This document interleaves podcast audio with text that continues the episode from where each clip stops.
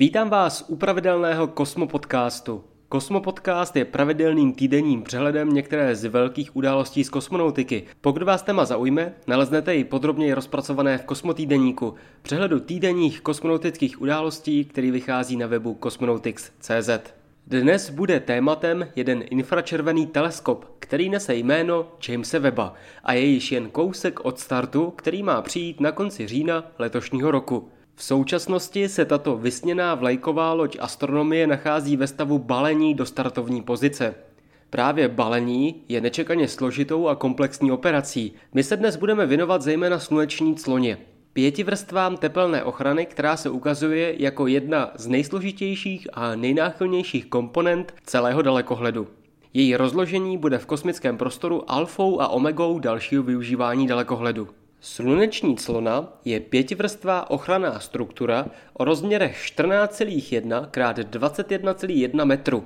Byla skonstruována tak, aby se dala složit okolo celého těla dalekohledu tak, aby se vešla pod aerodynamický kryt rakety Ariane 5, který má rozměr 4,5 x 16,1 metru.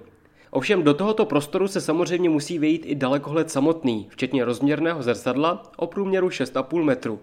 I proto bude kompletní rozložení celé sestavy opravdu náročné, ale samotná sluneční slona je v zásadě tou nejsložitější věcí, která se během rozkládání bude dít.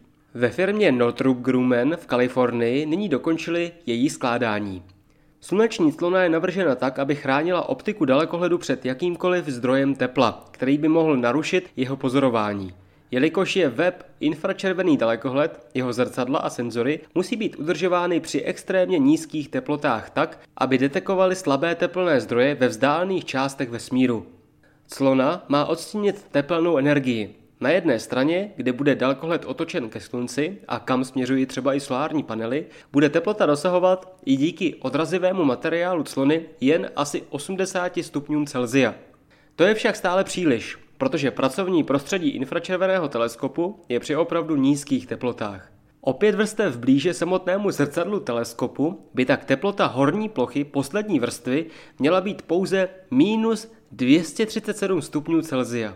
Proces složení clony trval měsíc a začal tím, že se pět vrstev roztáhlo do maximální plochy a uhladilo tak, aby byly co nejplošší.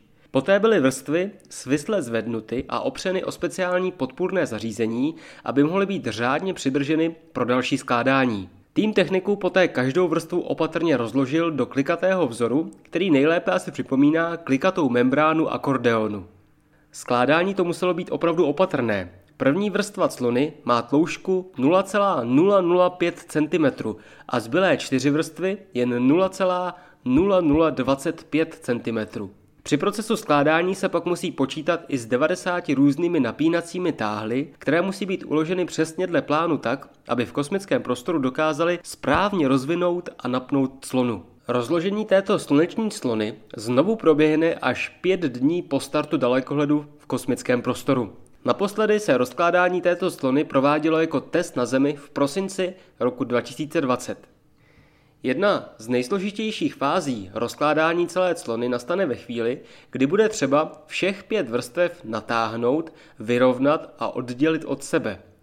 Clony musí být od sebe odděleny, jinak by nedošlo k optimálnímu odstínění tepla. Zároveň se nesmí přepnout, aby nedošlo k jejich roztrhání.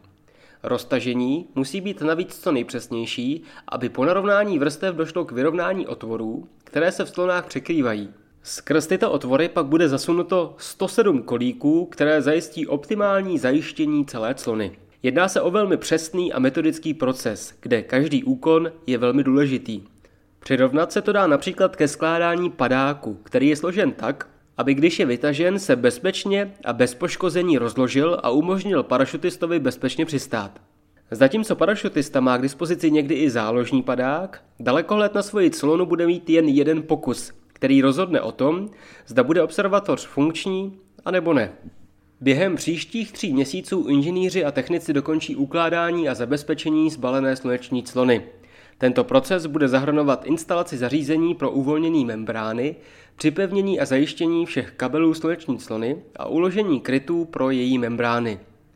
Součástí bude také uložení dvou ramen sluneční slony, které ji vodorovně rozloží, a také uložení dvou paletových struktur, které drží tuto clonu na místě během startu.